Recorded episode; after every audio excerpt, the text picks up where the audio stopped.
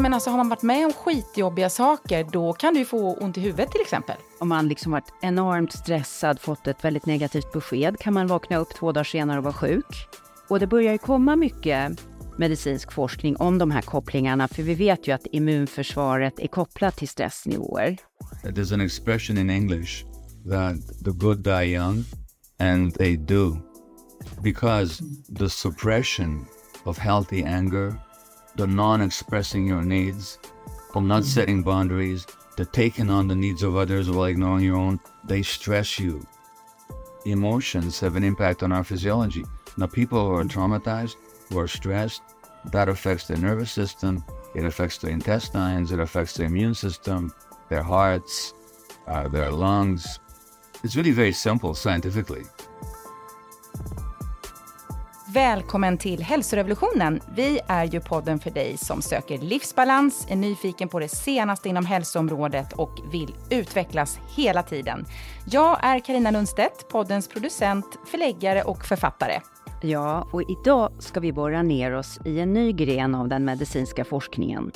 Hur påverkar våra känslor vår fysiska hälsa?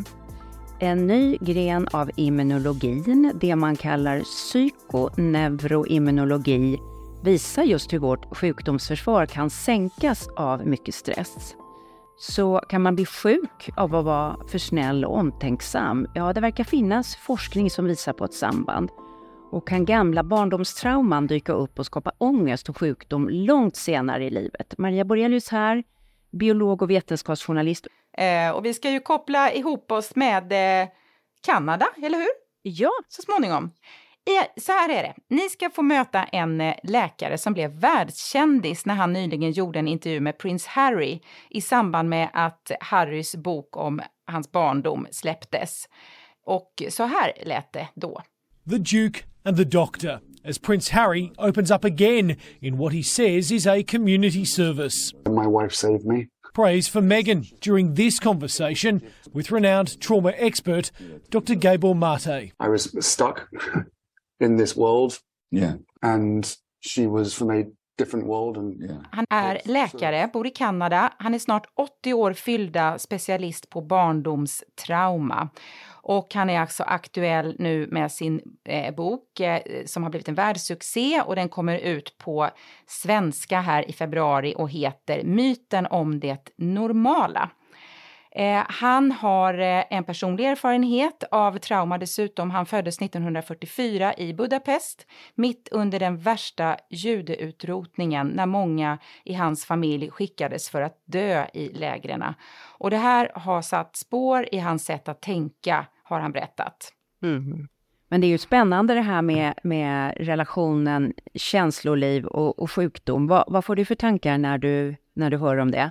Alltså för mig känns det fullständigt naturligt på något sätt. Jag tycker att jag har sett exempel på det utan att lämna ut någon. Så, så det här, det pratar ju vi ganska ofta om det här att det liksom måste hänga ihop på något sätt.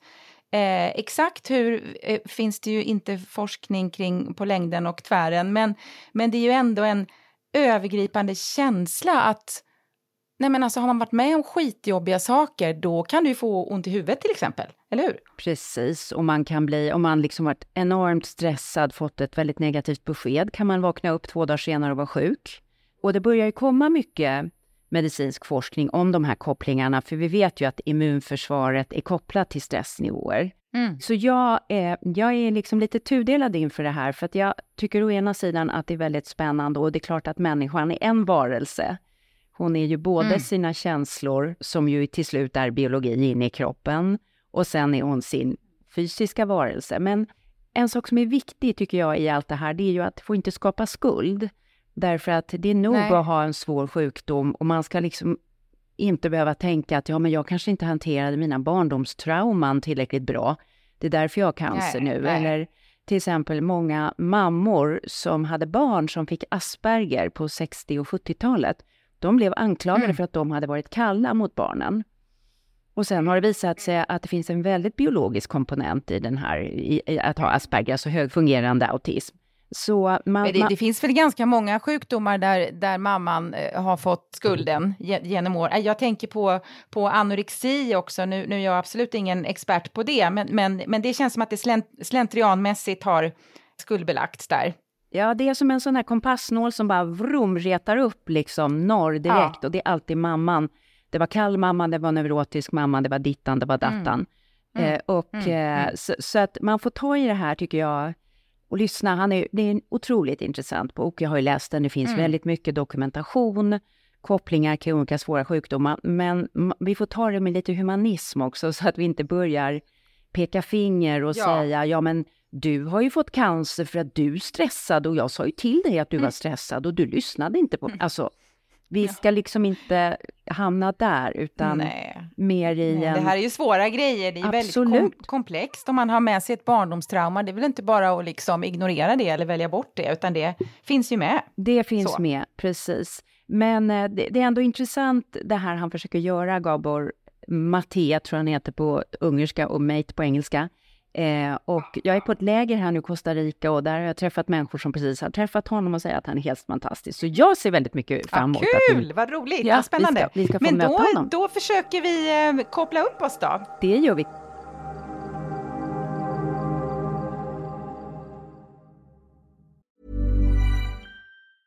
Ready to pop the question? The jewelers at BlueNile.com have got sparkle down to a science with beautiful lab grown diamonds worthy of your most brilliant moments. Their lab grown diamonds are independently graded and guaranteed identical to natural diamonds, and they're ready to ship to your door. Go to BlueNile.com and use promo code LISTEN to get $50 off your purchase of $500 or more. That's code LISTEN at BlueNile.com for $50 off. BlueNile.com code LISTEN. Planning for your next trip? Elevate your travel style with Quince. Quince has all the jet setting essentials you'll want for your next getaway, like European linen, premium luggage options, buttery soft Italian leather bags, and so much more. And is all priced at 50 to 80% less than similar brands. Plus, Quince only works with factories that use safe and ethical manufacturing practices. Pack your bags with high-quality essentials you'll be wearing for vacations to come with Quince. Go to quince.com slash pack for free shipping and 365-day returns. Ryan Reynolds here from Mint Mobile. With the price of just about everything going up during inflation, we thought we'd bring our prices down. So to help us, we brought in a reverse auctioneer, which is apparently a thing. Mint Mobile unlimited premium wireless. Ready to get 30, 30, bit to get 30, bit to get 20, 20, 20, bit to get 20, 20, bit to get 15, 15, 15, 15 just 15 bucks a month. So, Give it a try at mintmobile.com slash switch. $45 upfront for three months plus taxes and fees. Promo rate for new customers for limited time. Unlimited more than 40 gigabytes per month. Slows. Full terms at mintmobile.com. So, we'd like to welcome you, Gabor Maté, author of The Myth of Normal Trauma, Illness and Healing in a Toxic Culture. In Swedish, Myten om den normala. Very welcome to Health Revolution. Thank you. You are a doctor with a very broad background, and you are also a survivor uh, out of the European Holocaust, being of Hungarian Jewish descent. Uh, tell us through which glasses you look at the world. Well, no one aspect of my history will explain how I see the world. It's it's it's all a unit, you know. I mean, and there are some people who are doctors who don't see the things the way I do. There's some people who are Holocaust survivors who don't see things the way I do. So it's very much my individual experience, my whole life. The main gist of your wonderful book, which is super interesting. I'm a biologist and I learned a lot about psychoneuroimmunology. Uh, but it is that a toxic culture is making us sick in many different ways. Manifestly sick both physiologically and psychologically. When you say a toxic culture, what do you mean by that? Well, if you're a biologist, uh, you will know exactly what I'm talking about because if you work in a laboratory and you have a petri dish and you're growing some microorganisms in a culture medium, we call it a culture medium, at least in English we do, and uh, the organisms are doing okay and they're proliferating and growing and healthy, then it's a healthy culture.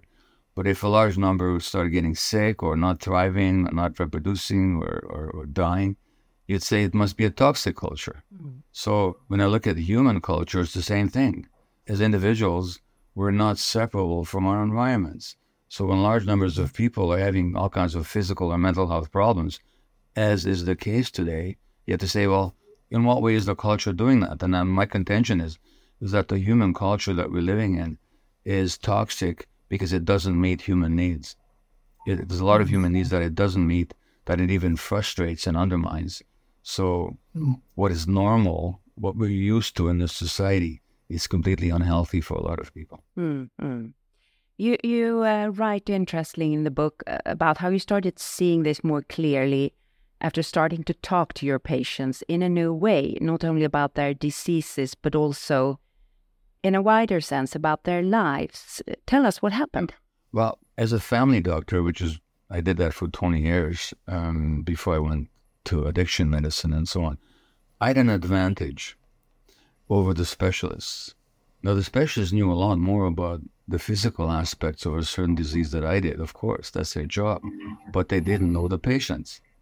But I knew them before they got sick. Mm. And I knew them in the context of their families and their family histories. And I began to notice that who got sick and who didn't wasn't accidental, that there were certain emotional and personality and behavior patterns that I kept noticing in the people who develop chronic illness by chronic fatigue or colitis or multiple sclerosis or rheumatoid arthritis or depression, addiction, whatever. There were certain things happen to them.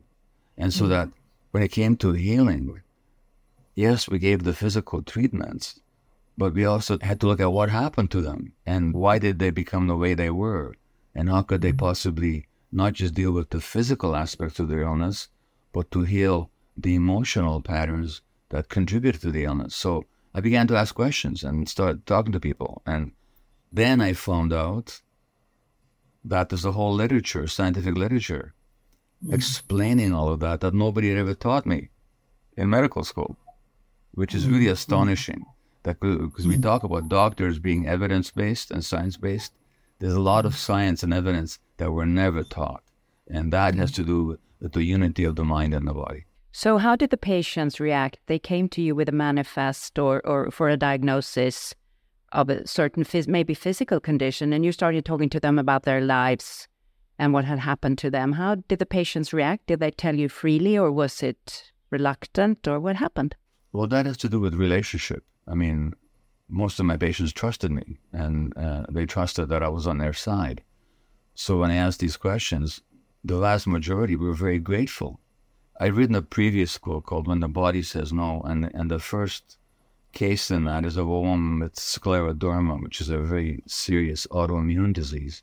And she said, "You were the first person who ever listen to me." Hmm. That that can be very powerful.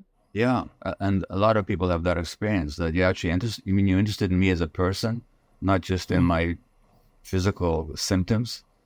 Mm-hmm. Now, some patients don't want to go there. It's too painful. It's too emotionally challenging. Then you don't force it. You don't push anybody. But hmm. when people get the invitation, and the invitation is, can I just listen to you and can you tell me about your life? And can I find out hmm. what happened to you? Most people welcome that. Most people are very grateful, actually. Especially if they meet a listening doctor, I guess. Yeah. And one of the things that we're not taught in medical school is how to listen. I would like to uh, ask you a little bit about the toxic culture because you could argue that humanity comes out of millions of years, or, you know, if we're talking about the cultured human, 10,000 of years of extreme hardship. If you were a Roman slave, or if you were just of our forebears who were farmers fighting uh, starvation, disease. So, what is new in our culture? What kind of new toxicity have we added that is creating this explosion of, of welfare diseases that we're seeing right now? Well, if you actually look at it um, from the point of view of research, as you said, human beings have been on the earth for millions of years. And uh, our own species, Homo sapiens, we've been here for about maybe 200,000 years, maybe more. All those millions of years, and most of that 200,000 years, we lived out in nature, very connected to nature in small bands, 80 to 100 people who, who gathered food together, who hunted together, who lived together raised their children together, lived in a community. So basically, we're communal creatures connected to nature. And there's lots of evidence that those people were pretty healthy. Mm-hmm.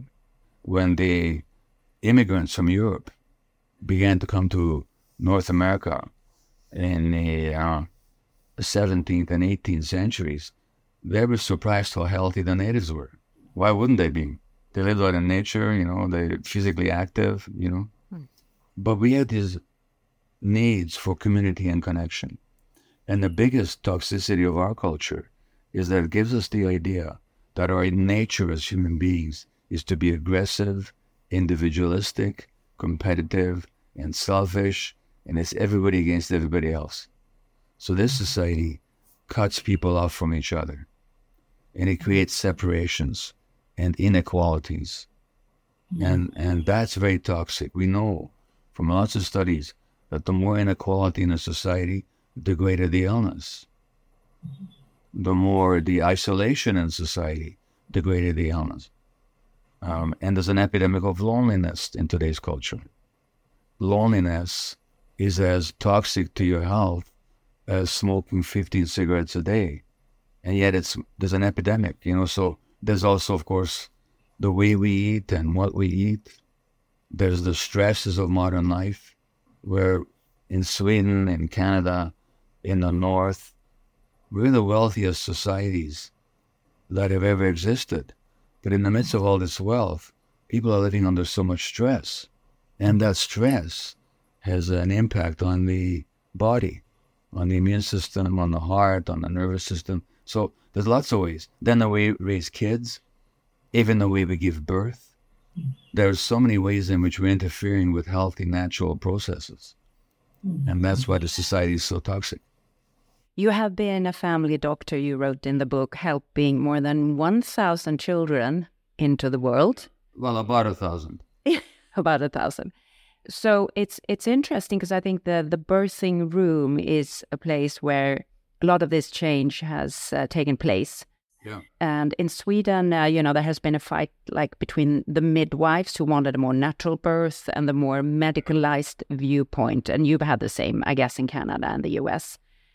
So, how do we find a balance between what is natural, which still yielded a lot of children who were born and died, yet being able to give qualified medical assistance when it is needed? It's a good illustration. What, what is a good balance, do you think? Yeah, well, first of all, let's just acknowledge that modern obstetrics has saved a lot of lives the lives of children, the life of mothers, or the health of mothers, or the health of children. So I'm not arguing against that. But that doesn't mean that birth is a medical process, it's a natural process. Medicine should come in when there's a problem. Medicine should not create problems. And uh, here in British Columbia, Canada, where I live, the cesarean section rate is almost 40%. That means four out of 10 women don't deliver naturally anymore. If you look at the world, those numbers are going up. In some countries, it's 50%. Now, scientifically speaking, there should be cesarean sections about 10 to 15% of the time. What's happened is that we've made birth into a pathological process. Now, if you look at it from the scientific and natural point of view, birth isn't just a mechanical event pushing the baby out into the world. Birth, the natural birthing process, releases hormones and chemicals, oxytocin and endorphins and vasopressin and other chemicals that bond the baby with the mother and vice versa. When we create mechanized births and we put lights and noise and machines and people coming in and out and a lot of anxiety, we're actually interfering with the natural process without justification. So I've learned a lot from working with midwives. Is when I started listening to midwives that I changed the way I delivered babies. It made a huge difference. How how did you change? What did you do that you didn't do before, or what didn't you do? Well, for one thing, women don't have to lie on their backs with their feet in stirrups, which is the way we used to deliver babies. You know, and uh, pardon me for this one, but uh, I mentioned this in the book. A midwife said to me, Try having a shit while lying on your back with your feet in the air. And it's not just any shit, uh, Dr. Maté. It's a watermelon size, uh, uh, you know, so it's like a major thing. I've given birth to four kids, so I know exactly. Okay, so that's the first thing. Second thing is, I was taught that every woman needed to be cut, an episiotomy, that I have to make the vaginal opening larger to let the baby out. Like nature doesn't know what it's doing, you know? Then there was, and the midwife said, no, you don't. Sometimes you may have to, but you don't automatically, routinely have to do it. Mm. Now, then there were scientific studies by doctors who showed that the midwives were right all along. So I stopped cutting people. I also cut the noise, cut the anxiety, make sure that the woman feels safe and supported rather than scared. You know, so there's lots of ways that I changed once I started working with midwives, which didn't mean that I gave up my medical knowledge. It just meant that my medical knowledge didn't become the governor, Mm. the dictator. It became a servant. That's the point. That's beautiful. So, what is the exact process by which you can say that trauma connects to increased incidences of diseases? How are our emotions connected to birth of disease as science sees it now? So, first of all, if you look at the research on it, you can see that people with multiple sclerosis, with rheumatoid arthritis, with intestinal problems, with asthma, typically have had more stress and trauma in their lives. And the more you have, the greater the risk. For example, lots of studies have shown that the more stressed the parents are, the greater the risk for the child having asthma. I could give you many, many studies on that. It happens because even though as doctors we're taught to separate the organs and the mind from the body, and so that you know the neurologists know about the nervous system, and the, the cardiologists know about the heart, and the gastroenterologist knows about the intestines, and the psychiatrist knows something, not very much, about the mind and the brain. Actually, it's all one. So science has shown that you can't separate the immune system from the hormones, from the nervous system, and from the emotional system. It's all one system. So when things happen emotionally, naturally, it's going to have a physiological effect. And that's easy to prove. If I just started um, yelling at you right now, even though, I don't know, I'm 6,000 miles away from you, or if I changed my tone and started speaking to you in a different way, your body would change like that. Your emotions would trigger a whole set of physical reactions in your body. Now, this happens 24 7, so that our emotions have an impact on our physiology. Now, people who are traumatized, who are stressed, that affects their nervous system, it affects their intestines, it affects their immune system, their hearts, uh, their lungs. It's really very simple scientifically. Your book is very rich in examples, and you talk about low degree inflammation, you talk about epigenetics, which we have talked about uh, here before in the podcast. But you also have some very interesting connections between personality types and certain types of disease, certain types of cancer, ALS, immunological disease. And you introduce a new concept to me, which is the type C personality. Tell us about her, because it sounds like an archetypical woman, type C. Could also be a male, I guess. Well, so first of all, it, it wasn't my original concept. And uh, it's not actually that there's a type C personality, is that there's type C traits, but they can change. But these are the traits that show up in people with malignancy and people with autoimmune disease. And by the way, you mentioned women. And there's this big mystery. How come women have 70 to 80% of autoimmune disease? And why are women more prone to malignancy not related to smoking? Or if they do smoke, why do the risk of cancer goes doubles over that of men? You know? And if you look at these personality traits, you'll also find that these are the traits that women are expected to take on in this culture. And that's another of the toxicities. And I can kind of list them very quickly for you. Number one, an automatic and compulsive concern for the emotional needs of others while ignoring your own. Identification with duty, role, and responsibility rather than the needs of the self. Number three, repression of healthy anger, being very nice, not even feeling your anger, let alone expressing it. And number four, the belief that A, you're responsible for other people feel, and B, you must never disappoint anybody. It sounds like a, a, a, very nice person. If you would meet this person, it would be a very agreeable person. I always worry about the very nice people. And uh, th- there's an expression in English that the good die young, and mm. they do. Because the suppression of healthy anger, the non expressing your needs, the not mm. setting boundaries, the taking on the needs of others while ignoring your own, they stress you and that stress damages your your chromosomes. Your it causes inflammation in your body. It uh, suppresses the immune system or confuses it. It uh, creates problems in your intestines. So those are the four traits, and nobody's born like that. Because you said you said you've had four children. You, you tell me if you ever met a one day old baby that suppresses their feelings and tries to be nice to please you no, not my kids, and no other kids either. No other kids either. So, if we have these traits, how can we work with them if we feel we are stuck with agreeableness and, and have a hard time expressing needs? What do you recommend a type C person to do? Well, um, first of all, to realize that you weren't born like that, like I just said, so that you develop these traits for a good reason. So you can ask yourself, how did I become this way? That's where trauma comes in. And that's where you have to look at what happened in childhood. Something happened between the, time that you were one day old and the time you, you became this really nice person suppressing themselves. Something happened. And what happened is you were wounded. You were not accepted for who you were. Maybe you were hurt. I don't know what happened. Something happened. So, first of all, just understand this isn't you. These traits are not you. They're adaptations. Number one. Number two, and in the book, of course, the last section of the book is all about healing, so that that's the longest part of the book. But one simple question. For example, where are you not saying no in your life? And by that I mean where there's a no that wants to be said, but you're not saying it.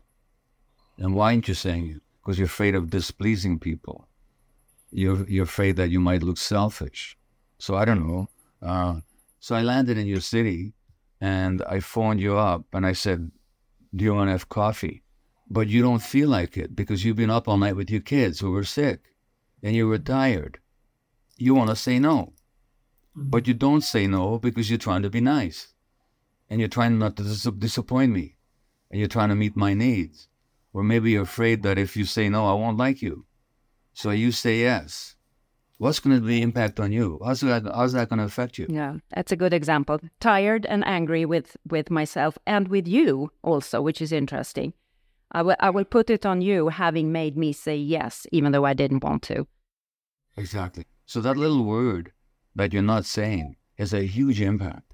And hmm. if you're always doing that, if that's how you live, it's going to make you hmm. sick. So the first hmm. question I ask people is, where do you not say no? Yeah, very good question. Where do you not say no?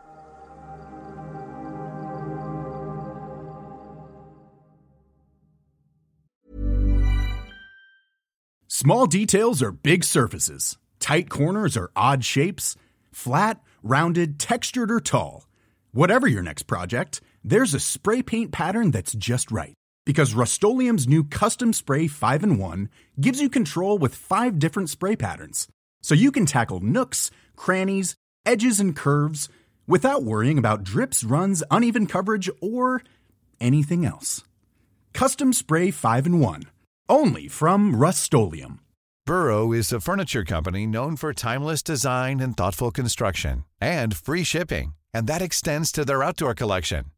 Their outdoor furniture is built to withstand the elements, featuring rust-proof stainless steel hardware, weather-ready teak, and quick-dry foam cushions. For Memorial Day, get 15% off your Burrow purchase at burrow.com slash ACAST and up to 25% off outdoor. That's up to 25% off outdoor furniture at burrow.com slash ACAST. There's never been a faster or easier way to start your weight loss journey than with PlushCare. PlushCare accepts most insurance plans and gives you online access to board-certified physicians who can prescribe FDA-approved weight loss medications like Wegovy and Zepbound for those who qualify Take charge of your health and speak with a board certified physician about a weight loss plan that's right for you. Get started today at plushcare.com slash weight loss. That's plushcare.com slash weight loss. plushcare.com slash weight loss. You talk in your book a lot about the importance of a warm and balanced and loving childhood. Even non perfect people, in fact, most people are non perfect, get children. So you're not afraid that kind of putting this pressure on parents will make people freak out. How can I be this perfect parent who is balanced, loving, you know, all the time? I'm like living with my surrounding and being stressed and everything. How how can we cherish this knowledge whilst also being accepting of parents as they are? Yeah. So first of all, we have to recognize that parenting today is a very unnatural process because as we evolved for millions of years, parenting wasn't done by isolated individual parents or couples. It was done by the community.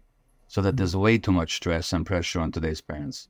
Yeah, parents are lonely with their children. It's true. That's, yeah. what, that's what I'm saying. And so that it's not their fault. So first of all, take off any blame. Don't blame yourself. And also, parents used to have the support of grandparents and grandmothers and grandfathers and neighbors and friends. And so that they don't have to be perfect because the community would hold the whole family. You know, this is totally unnatural today. That's the first point. The second point is you don't have to be perfect. Nobody, no human beings can ever be perfect. But you have to at least recognize what's going on so that don't make it your kid's fault. So if there's a problem, I got a bad kid. No, you don't. You have a kid who is troubled for some reason. Be curious about what's going on and what stresses might you be transferring to your child and try to adjust as much as you can. So it's not a question of putting pressure on people to be perfect. It's a, it's a question of making parents aware. And there's one more thing. I, I don't know about Sweden, but in North America, there's so much terrible advice that parents get. So parents, for example, are told not to pick up their kids when they're crying. That's terrible. You try and tell a mother monkey or a baboon or a cat not to soothe their kids when they're crying. But we're telling this to mothers all the time. That you're spoiling the kid. It's nonsense. Kids need to be mm-hmm. held and picked up and soothed. You know, we're, we're told all kinds of ways of punishing our kids for behaviors that is not their fault and they're not deliberately doing. Why are we punishing three year olds? They don't understand mm-hmm. any of that. So, one of the things that makes parenting so difficult is, first of all, the isolation, but secondly, the terrible advice that parents get and they're, they're told to concentrate more on the child's behaviors than on the child's emotional experience.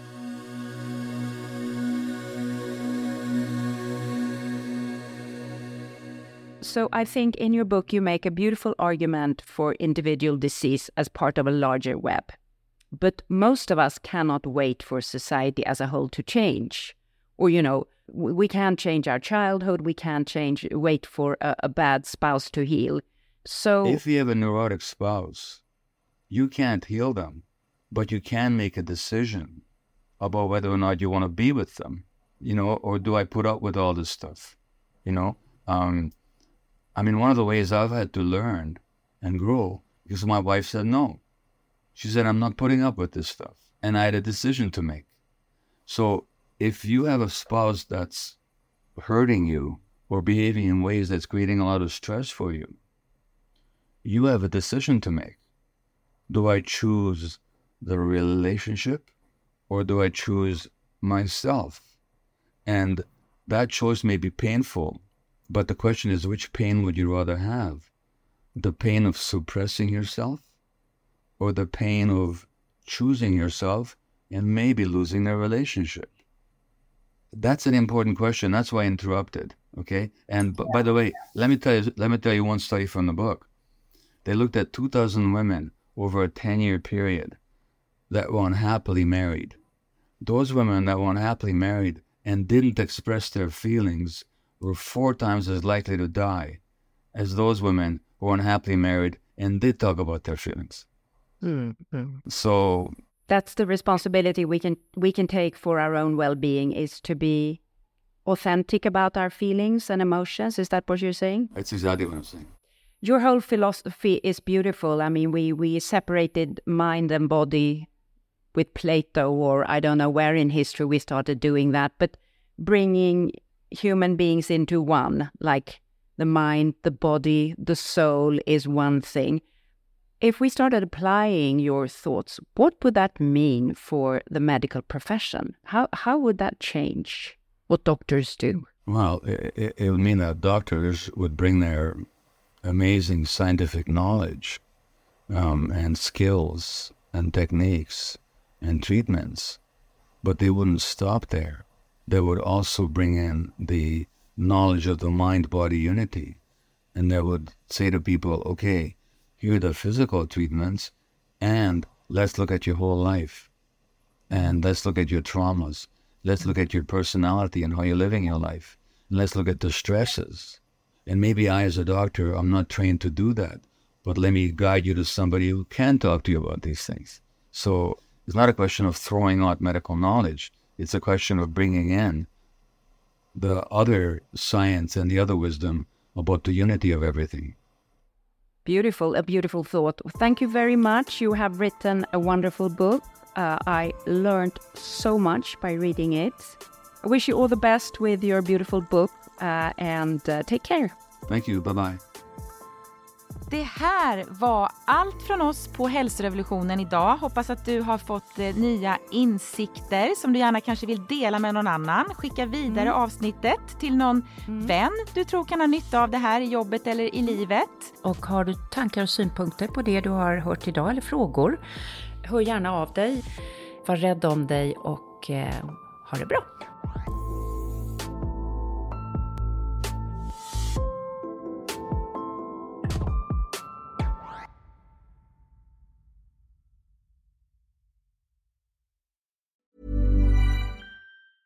Mom deserves the best, and there's no better place to shop for Mother's Day than Whole Foods Market. They're your destination for unbeatable savings, from premium gifts to show-stopping flowers and irresistible desserts. Start by saving 33% with Prime on all body care and candles. Then get a 15-stem bunch of tulips for just $9.99 each with Prime. Round out Mom's menu with festive rosé, irresistible berry chantilly cake, and more special treats. Come celebrate Mother's Day at Whole Foods Market. Hey, it's Paige DeSorbo from Giggly Squad. High quality fashion without the price tag. Say hello to Quince. I'm snagging high-end essentials like cozy cashmere sweaters, sleek leather jackets, fine jewelry, and so much more. With Quince being 50 to 80% less than similar brands. And they partner with factories that prioritize safe, ethical, and responsible manufacturing. I love that. Luxury quality within reach. Go to quince.com slash style to get free shipping and 365 day returns on your next order. Quince.com slash style. Imagine the softest sheets you've ever felt. Now imagine them getting even softer over time. That's what you'll feel with Boll and Branch's organic cotton sheets. In a recent customer survey, 96% replied that Boll and Branch sheets get softer with every wash. Start getting your best night's sleep in these sheets that get softer and softer for years to come. Try their sheets with a 30-night guarantee. Plus, get 15% off your first order at bollandbranch.com. Code BUTTERY. Exclusions apply. See site for details.